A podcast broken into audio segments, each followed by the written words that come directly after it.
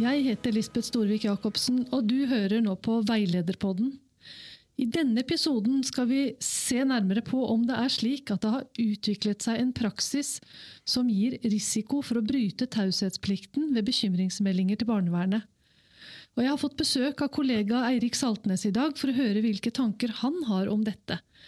Eirik er seniorrådgiver og produktansvarlig for veilederen Barnevern, og han har dessuten lang fartstid som barnevernleder i kommunal sektor. Velkommen til deg, Eirik. Takk for det, Lisbeth.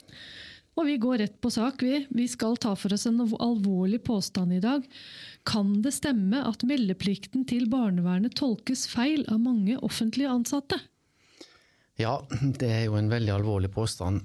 For dersom reglene om, om meldeplikt blir tolka feil, kan det i verste fall føre til brudd på taushetsplikta. Og det er dette vi skal snakke om i dag. Ja, men hvor kommer egentlig denne påstanden fra? Det er eh, førsteamanuensis i rettsvitenskap ved Høgskolen i Innlandet, Bente Onstad, som sier dette. I en artikkel i fagtidsskriftet Juristen hevder hun at offentlige meldere i mange tilfeller overlater til barnevernstjenester og vurdere om meldeplikt er oppfylt. Ja. Altså vurderer ikke melder sjøl om den aktuelle situasjonen tilsier at taushetsplikta kan settes til side. Og Onsdag har sammen med journalist Ylve Gudheim gått gjennom mange meldinger som er sendt til barnevernet. Og funnene de gjorde i dette arbeidet, har medført at de har skrevet ei bok, og den heter 'Meldeplikt til barnevernet'. Er det nok å være bekymret? Det her syns jeg høres veldig interessant ut, Eirik.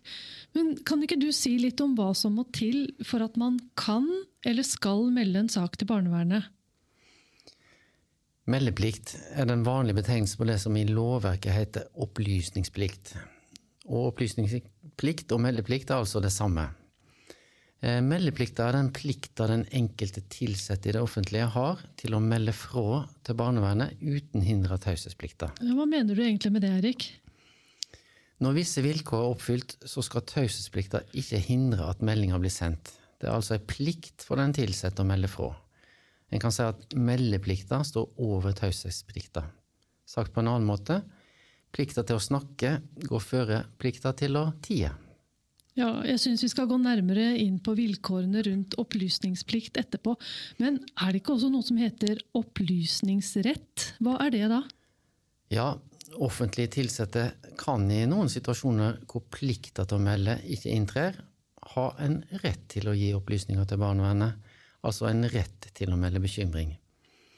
Men denne retten er da avhengig av at de det gjelder, samtykker til å gi opplysningene. Taushetsplikta går da før opplysningsretten. Jeg kan si at plikta til å tie går før retten til å snakke. Og Da høres det for meg ut som at opplysningsplikten og opplysningsretten på en måte er to sider av samme sak, men likevel ganske så forskjellige, da. Ja, det kan du godt si, Lisbeth. Men Kan du si litt om hvilke situasjoner eller vilkår som må være til stede før du har en plikt til å melde en sak til barnevernet? Ja, Om vi skal gå mer konkret inn på forskjellen, så må vi se på bestemmelsene i loven. Altså, vi må se på reglene om opplysningsplikt til barnevernet. Og det er fire situasjoner som kan utløse opplysningsplikta. Ja, Hvilke situasjoner er det, da? Først så har du den mest eh, vanlige. Uh, offentlige ansatte har meldeplikt når det er grunn til å tro at et barn blir eller vil bli mishandla, utsatt for alvorlige mangler ved den daglige omsorgen, eller annen alvorlig omsorgssvikt. Og så har du en litt mer eh, sjelden situasjon når barn har en alvorlig sykdom eller har nedsatt funksjonsevne og ikke får den behandling eller opplæring barnet trenger. Og så har vi et vilkår som mest vil gjelde ungdom. Og det er ungdom som viser alvorlige atferdsvansker i form av alvorlig eller gjentatt kriminalitet, misbruk av rusmidler eller annen form for utprega normløs atferd. Og til slutt, det fjerde vilkåret, når det er en grunn til å tro at et barn blir utnytta til menneskehandel. Ja, dette er ganske alvorlige situasjoner, Eirik. Ja, plikta til å gi opplysninger er forbeholdt de alvorlige situasjonene. Men jeg vil gjerne at du utdyper litt nærmere noen av de begrepene du nettopp nevnte. Hva, hva ligger f.eks. i det her med alvorlige atferdsvansker eller utprega normløs atferd. Er dette typiske skolesituasjoner? Nei, jeg vil ikke si at det er typiske skolesituasjoner. Dette er mer alvorlige forhold, eh, og forhold som gjerne viser seg ute i samfunnet. I vilkåret eh, alvorlig eller gjentatt kriminalitet så handler det ikke om å stjele mobiltelefonen til en medelev, men om enkelte episoder med f.eks. alvorlig voldskriminalitet eller gjentatte kriminelle handlinger. Eh, normløs atferd, som det står i loven, kan handle om barn som mer og mindre bor på gata, eller som prostituerer seg. Ja, så da er det her egentlig mye mer alvorlige vilkår enn det jeg kanskje trodde på forhånd. Men også barn og familier som ikke er i så alvorlige situasjoner som dette, kan vel trenge hjelp fra barnevernet, eller? Ja, ja, helt klart. Og offentlige tilsatte kan også i mindre alvorlige saker melde fra til barnevernet. Men da må det skje i samarbeid med foreldrene, altså med samtykke. Ja. Og eh, jeg vil også nevne at det i opplæringslova og barnehagelova er en bestemmelse om at ansatte skal være på vakt overfor forhold som bør føre til tiltak fra sosialtjenester, som det heter, altså Nav-systemet. I bestemmelsene heter det at skolen, barnehagen, av eget tiltak kan gi opplysninger til Nav, men da kun etter samtykke fra barn og foreldrene. Igjen altså en rett til å gi opplysninger når det er gitt samtykke fra de det gjelder. Dette vet jeg ikke om mange i skole og barnehage er klar over. Nei, det tror ikke jeg heller. Men det er litt viktig det her, eh, for Nav har mange tiltak for familier med forskjellige levekårsutfordringer. Så rett hjelp kan finnes i Nav-systemet heller enn i barnevernssystemet i en del saker. Og når meldeplikta til barnevernet ikke er oppfylt, kan det være rett å ta kontakt med Nav. Eh, og så er det sånn at en god del kommuner har lavterskeltilbud til familier utenfor barnevernet, der de har gode hjelpetiltak, f.eks. i en egen familieenhet eller i familiens hus. Og um, i mange tilfeller kan det i de mindre alvorlige sakene være lettere å få samtykke fra barn og foreldre til en slik kontakt enn til en melding til barnevernet. Ja, det har du sikkert helt rett i. Men det er vel ofte ikke helt klart om vilkårene for meldeplikt er oppfylt eller ikke. For det må jo finnes en del saker i gråsonen her? Absolutt. Og det er veldig vanskelig mange ganger å trekke opp grensa mellom opplysningsplikta og opplysningsretten. Mm, men hvilke konkrete råd har du til den som hører på da? Ja, så Første bud det er å starte med å lese lovteksten. Og eh, Reglene om opplysningsplikt finnes i barnevernlova, men også i særlovgivningen, som i opplæringslova, barnehagelova og helse- og omsorgslova. Og reglene er selvsagt like i alle disse lovverkene. Og eh, du kommer rett og slett ikke utenom å lese lovteksten og vurdere det som står der, opp imot den konkrete situasjonen du står i.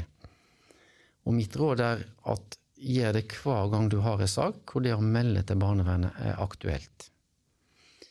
Og så er det også viktig å si at om du er i tvil, så kan du kontakte barnevernet og drøfte saken anonymt. Ja, det er vel lurt. Det er veldig lurt. Um, og det kan være til veldig, veldig god hjelp. Og det er da viktig bare å huske å anonymisere saker godt nok, særlig på mindre steder. Ja, det er òg veldig viktig. Ehm, men stilles det krav til at man er sikker i sin sak, og at man har bevis for det ene eller det andre før man melder? Ja, som jeg leste opp i stad, i vilkårene så, i lovteksten, så står det at når det er grunn til å tro, eksempelvis når det er grunn til å tro at et barn er utsatt for mishandling. Altså, du må ikke være helt sikker eller ha bevis for at det skjer. Grunn til å tro krever likevel at du kan begrunne mistanken om at det kan skje. Mm. At det er observasjoner eller utsagn som bygger opp under mistanken om at barnet blir eller kan bli mishandla. Jeg forstår jo at det er mange sider ved meldeplikten. Er det noe mer du kan eller vil si om akkurat det?